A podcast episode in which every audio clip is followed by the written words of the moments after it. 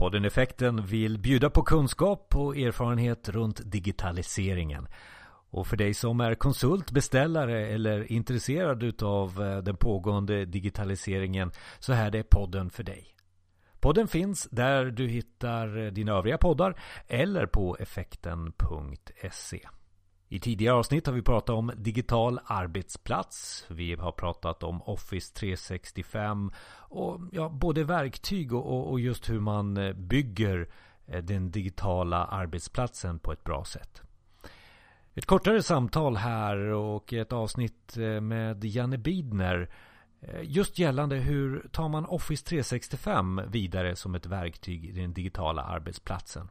Och missa inte hela avsnittet också där vi pratar om just begreppet digital arbetsplats.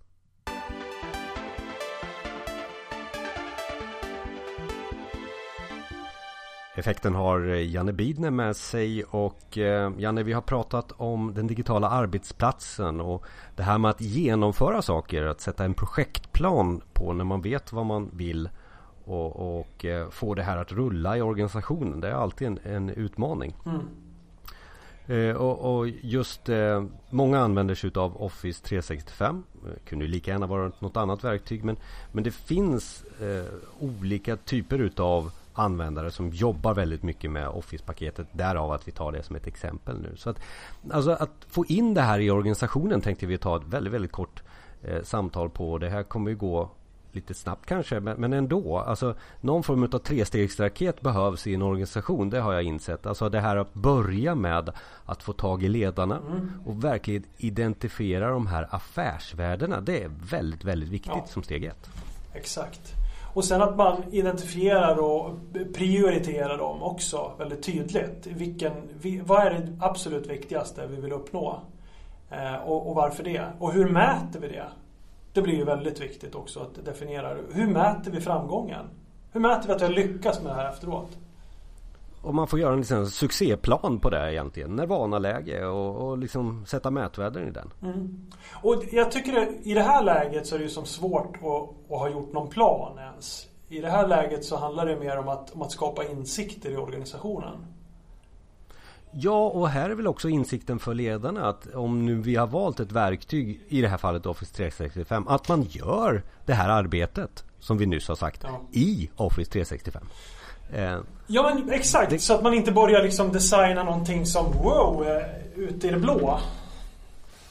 Nej, men man är isolerade att det kanske är bara x antal användare som liksom börjar här och, och jobba mm. i den här fasen med egentligen vanlig typ av ledningsförändrings ledningsfunktionalitet. Men man gör det med verktyget Office 365 för att lära sig själv. Ja, och att man kanske pilotar i någon, i någon form då med, med lite eh, behov i botten som man ska mappa mot det här nya verktyget. Eh, så man kanske börjar med att titta på så här, hur jobbar vi med, med att få ut nyheter och aktualiteter i företaget. kan man titta på specifikt så.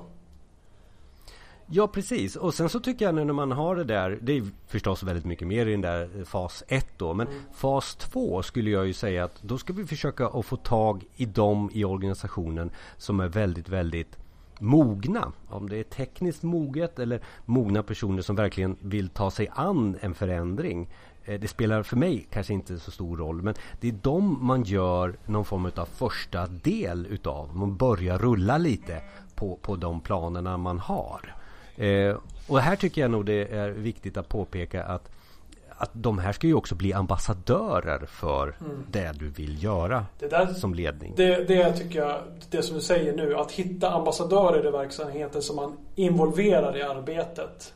Eh, redan från start när man börjar liksom och, och sätta och konfigurera verktyg. Att man får vara med och prova och testa och få lite så här förhands på grejer. Och jag tror också att i den här fasen, fas 2, att man kan ha en liten snöbollseffekt. Så att ja, ni fick testa det, ja, men nu får ni testa det. Och sen så kanske man är inne på tre olika, ja det kan vara team, det kan vara avdelning eller projekt. Eh, det, spelar, det, det, det får ju organisationen avgöra då. Men, men, men här får du en liten snöbollseffekt att det, snöbollen börjar rulla och den blir större och större. Vilket innebär att vi, vi är eh, ganska mogna redan här. Men här skulle man också vilja ha lite olika, eller jag brukar vilja ha det i alla fall, lite olika spelartyper eh, redan här. Att man har, dels har du de som är väldigt så här, eh, tekniskt mogna och drivna och väldigt intresserade av förändring. Men så finns det de här som är väldigt eh, mycket motståndare till förändring också. Att vinna över dem eller få med dem i diskussionen och lyssna lagom mycket på dem gör ju också att man, att man bättre lyckas förankra det även hos de som är mer skeptiska. Precis, för, för nu förstår ju eh, vi att i, i, i, fas 3 här så måste det ju hända saker. Men, men, vi har då i fas 2 väldigt mycket konkreta exempel.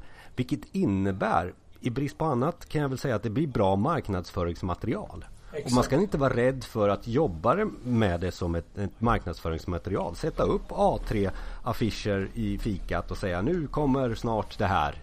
Eh, och det kommer bli bättre på det här sättet. Så. Och vet du Jonas, där vi pratar ju om, om effekter och effektkartläggning och effektpyramid. Och jag tycker de här, eh, jag menar, ska man ha säljpitchar så, så är det ju jättebra att ha gjort en effektkarta och se vad, vad är det som, vad löser det här problem för de här personerna? Det är det man gör i en effektkartläggning. Eh, och ha det ja. som säljpitchar.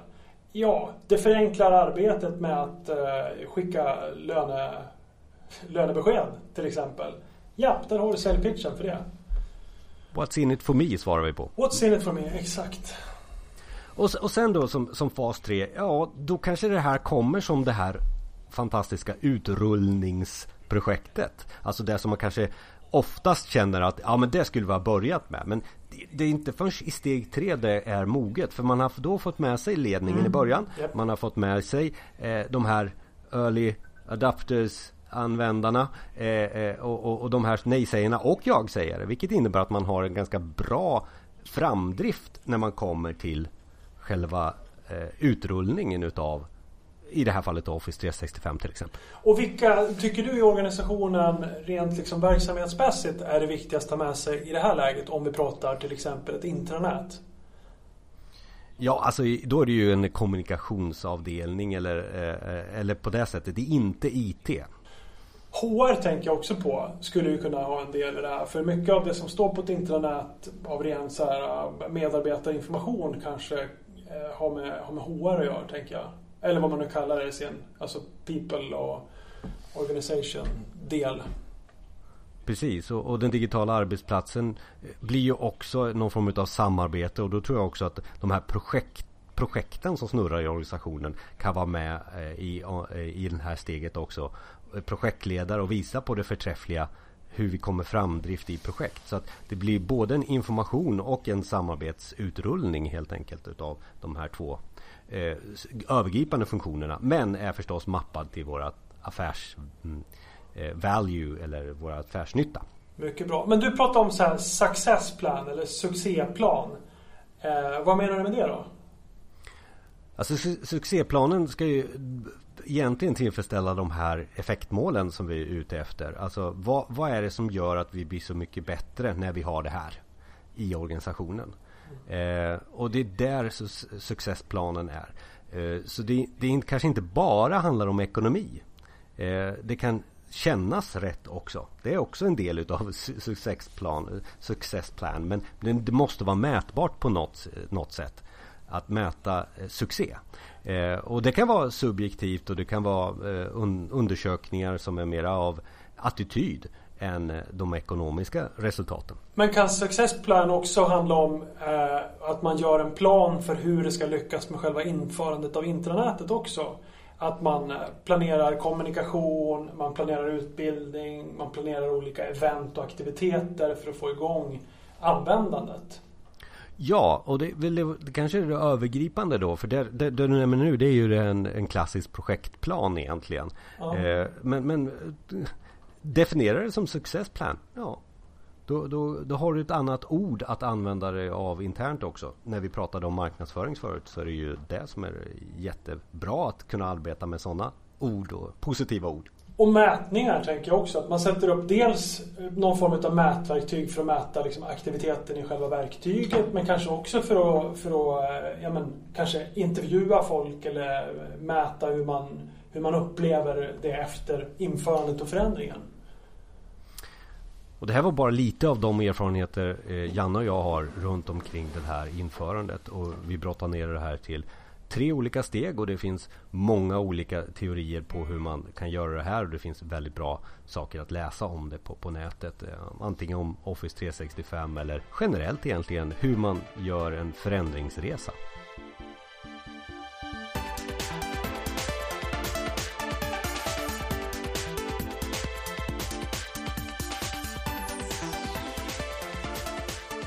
Längre avsnitt om den digitala arbetsplatsen ja, det hittar du i podden Effekten på sajten effekten.se eller där du hittar poddar.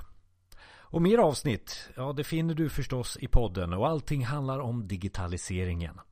Hör av dig till oss på info effekten.se för att ge oss tips om nya ämnen och nya gäster.